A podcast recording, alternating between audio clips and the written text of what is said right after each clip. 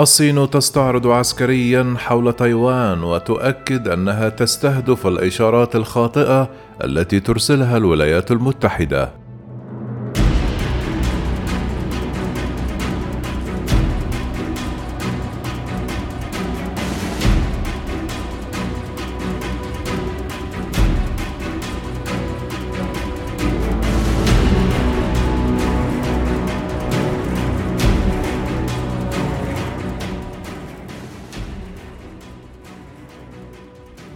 يتصاعد التوتر في مختلف بؤر الصراع التقليدية والمزمنة حول العالم على وقع تفجر الحرب الأوكرانية وما جرته من مواجهة روسية أطلسية ومنها تايوان التي زارها وفد من الكونغرس الأمريكي دفعت هذه الزيارة الصين للإعلان عن إجراء تدريبات عسكرية حول تايوان. في خطوة أكدت بكين أنها تستهدف الإشارات الخاطئة التي ترسلها الولايات المتحدة. ذكر تلفزيون الصين المركزي الرسمي نقلا عن شيلو المتحدث باسم قيادة مسرح العمليات الشرقي لجيش التحرير الشعبي أن الجيش الصيني أرسل فرقاطات وقاذفات قنابل وطائرات مقاتلة لبحر الصين الشرقي والمنطقة المحيطة بتايوان. وقال شي هذه العملية ردا على إرسال إشارات خاطئة على نحو متكرر من الولايات المتحدة بخصوص تايوان في الآونة الأخيرة. يعتقد مراقبون أن هذه الزيارة لأعضاء من الكونغرس الأمريكي إلى تايوان وما جرته من ردود فعل صينية ليست بمعزل عن الاستقطابات والتجاذبات الدولية الحادة على واقع الحرب الأوكرانية. وأنها قد تندرج في سياق محاولات كبح الاصطفاف الصيني ولو الموهرب مع روسيا في الأزمة الأوكرانية وربما العكس عبر توريط بكين عسكريا في تايوان لاستنزاف اقتصادها. يرى آخرون أن مسألة تايوان أشبه بعش دبابير أثير بطريقة استفزازية ومقصودة قد تدفع التنين الصيني لنفث نيرانه بما قد يشعل منطقة شرق وجنوب شرق آسيا بأكملها والتي تمتاز بحساسياتها وبتداخل الأجندات الإقليمية والدولية المتصارعة فيها وعليها تعليقا على تصاعد التوتر الصيني الأمريكي على خلفية قضية تايوان ومدى ارتباطه بالأزمة الأوكرانية يقول باحث وخبير في العلاقات الدولية أن مع تواصل العملية العسكرية الروسية في أوكرانيا والتي بدأت تلوح مع قرب دخولها الشهر الثالث بوادر تحولها لحرب عالمية خصوصا بعد استهداف وإغراق حاملات الطائرات الطراد الروسي موسكوفا والذي سبقه إخراج القوات البحرية الأوكرانية بالكامل من الخدمة.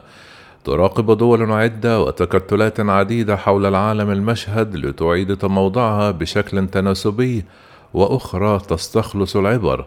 تبع الصين بدورها تراقب المشهد الأوكراني وعينها على تايوان من جهة وعلى تحرك الكتلة الغربية بالإضافة إلى اليابان وأستراليا.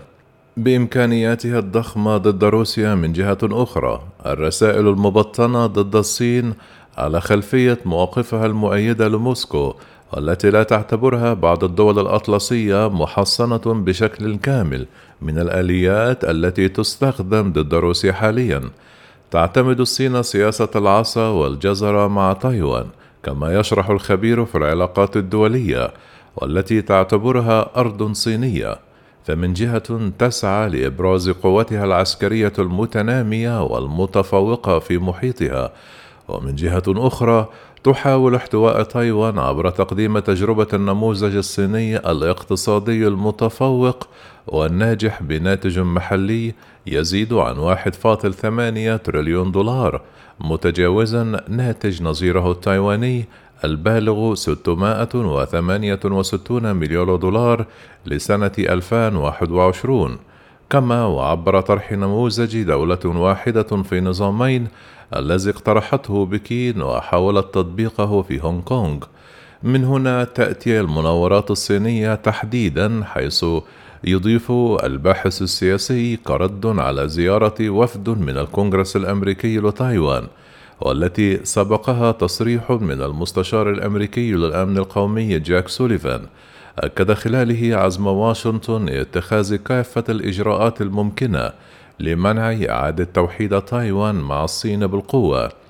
بدوره يرى أستاذ العلاقات الدولية في الجامعة الأمريكية بالقاهرة أن الصراع في أوكرانيا يدور حول النفوذ العالمي وهو صراع اقتصادي قبل أن يكون عسكريًا. وهو لا يتعلق فقط بحماية الأمن القومي الروسي ومنع انضمام أوكرانيا للناتو كما يؤكد بوتين.